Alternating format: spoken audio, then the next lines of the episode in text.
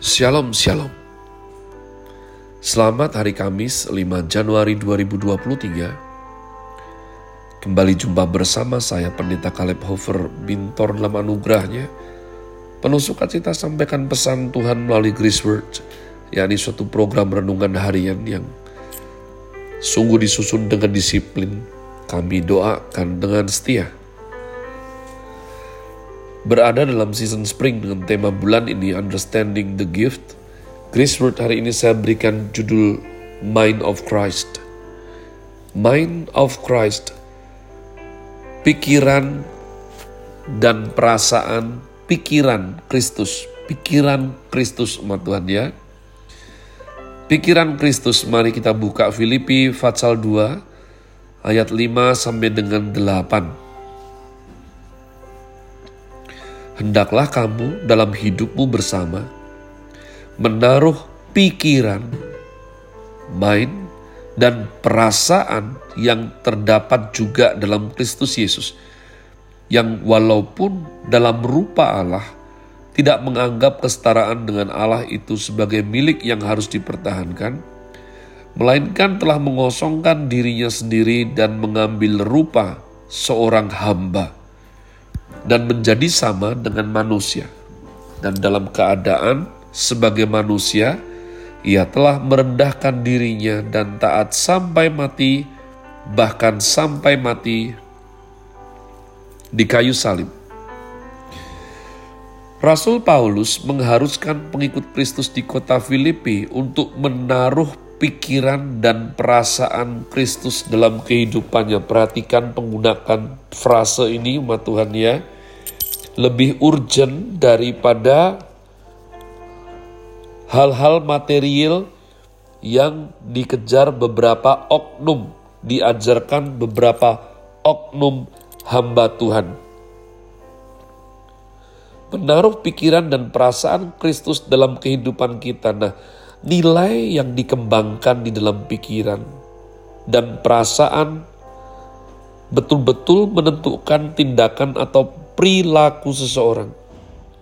Kalau demikian, pasti tidak ada orang yang benar-benar murni menjadi pengikut Kristus sesuai standar yang dimengerti dan dibagikan oleh Rasul Paulus. Mengapa? Karena kita pasti tidak mengerti pikiran dan perasaan Kristus yang walaupun Allah namun tidak menganggap dirinya setara dengan Allah, melainkan mengosongkan dirinya dan mengambil peran sebagai hamba. Sulit sekali, karena yang pertama kita bukan Allah, dan yang kedua, pasti kita tidak rela mengosongkan diri dan berkorban tanpa kesalahan, bahkan sampai mati disalibkan. Sulit sekali. Kita diminta melakukan sesuatu, ma Tuhan, yang kita tidak mungkin bisa lakukan. Ya, kalau orang kaya itu disuruh pura-pura miskin, itu sulit. Tapi masih bisa.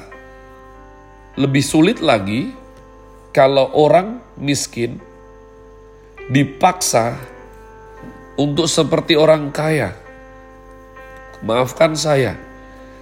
Karena itu ordo. Ya. Orang yang terbiasa mengangkat beban 200 kilo orang yang kuat sekali itu tentunya. Walaupun sulit, tapi dengan acting yang bagus, masih bisa pura-pura hanya bisa mengangkat 30 atau 50 kilo. Harusnya bisa 200 kilo, tapi pura-pura hanya bisa 30 kilo. Sulit, tapi masih relatif bisa. Tapi kalau seseorang betul-betul bisa mengangkatnya hanya 30 kilo, disuruh angkat 100 kilo, itu sulit. Ya. Allah adalah Allah, manusia adalah manusia. Maka ini akan merupakan sesuatu yang tidak gampang sekali umat Tuhan. Lalu bagaimana pula dengan maksud Rasul Paulus dengan kalimat mengosongkan diri dan mengambil peran sebagai hamba? Pada zaman dahulu ketika masa di mana perbudakan itu marak dan ada, kata hamba ini artinya adalah budak yaitu jenis orang yang diperdagangkan, tidak punya hak buat Tuhan. Jadi seperti hewan ternak, ya, diperdagangkan, kasihan sekali. Kita bersyukur hidup dalam perjanjian baru. Dulu kalau orang masuk suatu negara ditaklukkan, maka orang-orangnya yang masih hidup itu akan diperdagangkan sebagai budak dan budak ini ciri khasnya gak punya hak. Sedang kata mengosongkan diri dalam terjemahan King James Version diartikan tanpa reputasi. Ya, rela tanpa reputasi. Nah, lalu kualitas kehidupan macam apa yang orang Kristen harus jalankan jika tanpa reputasi dan tanpa hak.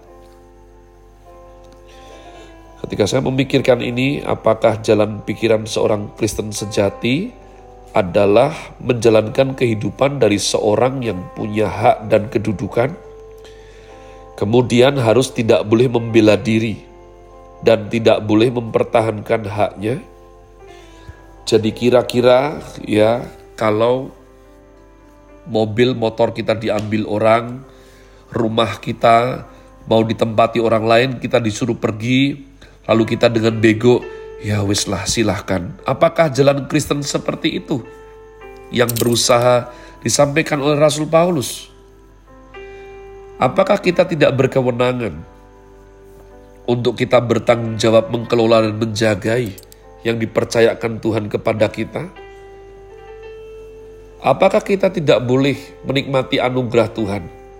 Ya, setelah bekerja lalu kita makan di tempat yang pantas? Tidak, umat Tuhan. Bukan itu maksudnya. Jika kita teliti tulisan Rasul Paulus pada bacaan di atas, maka pernyataan itu dahului, didahului dengan kalimat, karena itu sempurnakanlah sukacitaku dengan ini hendaklah kamu sehati sepikir dalam satu kasih, satu jiwa, satu tujuan, dengan tidak mencari kepentingan sendiri atau puji-pujian yang sia-sia. Sebaliknya, hendaklah dengan rendah hati, yang seorang menganggap yang lain lebih utama daripada dirinya sendiri. Dan janganlah tiap-tiap orang hanya memperhatikan kepentingannya sendiri, tetapi kepentingan orang lain juga. Nah, ternyata kalau kita cermati, jalan kehidupan tanpa hak dan reputasi adalah saran Rasul Paulus, cara hidup bersama-sama sebagai sesama pengikut Kristen, yaitu cara hidup yang saling, ya, saling sehati, saling sepikir, saling menganggap kepentingan yang lain lebih utama, suatu standar kehidupan dalam kebersamaan dan saling mengutamakan. Saling punya pikiran dan perasaan yang sama seperti Kristus yang tanpa hak dan reputasi. Ya. Jadi kita itu saling menerima, memperjuangkan satu sama lain tapi tidak mengedepankan hak saling mengosongkan diri dan tidak egois sama satu satu sama lain. Nah, kalau seperti ini jadi masuk akal. Jadi masuk akal bu, bukankah demikian umat Tuhan? Sesama pengikut Kristus harusnya hidup secara saling, yaitu secara kebersamaan masing-masing dengan tidak melulu mengutamakan hak dan mengutamakan reputasi diri sendiri seperti Kristus. Dan ini diperjelas oleh Rasul Paulus dengan berkata, Galatia 2.20, namun aku hidup, Tetapi sudah bukan aku lagi yang hidup, melainkan Kristus yang hidup di dalam aku. Jadi umat Tuhan, kalau kita telah kebanyakan konflik dalam diri kita, hidup kita, itu karena kita ya mengutamakan diri sendiri, egois, dan sungguh-sungguh memperjuangkan apa yang kita inginkan. Tapi dengan Tuhan menasihatkan seolah-olah berkata, Aku Tuhan Sang Pencipta alam semesta. Aku mengosongkan diri rela jadi hamba. Bahkan taat sampai mati di kayu salib. Masakan kamu yang adalah anak-anakku tidak mau belajar demikian. Saya berdoa engkau beroleh sesuatu, beroleh pemahaman, inspirasi, dan juga nyali serta urapan untuk melaksanakan firman Tuhan. Have a nice day, Tuhan Yesus memberkati saudara sekalian. Sola. Grazie.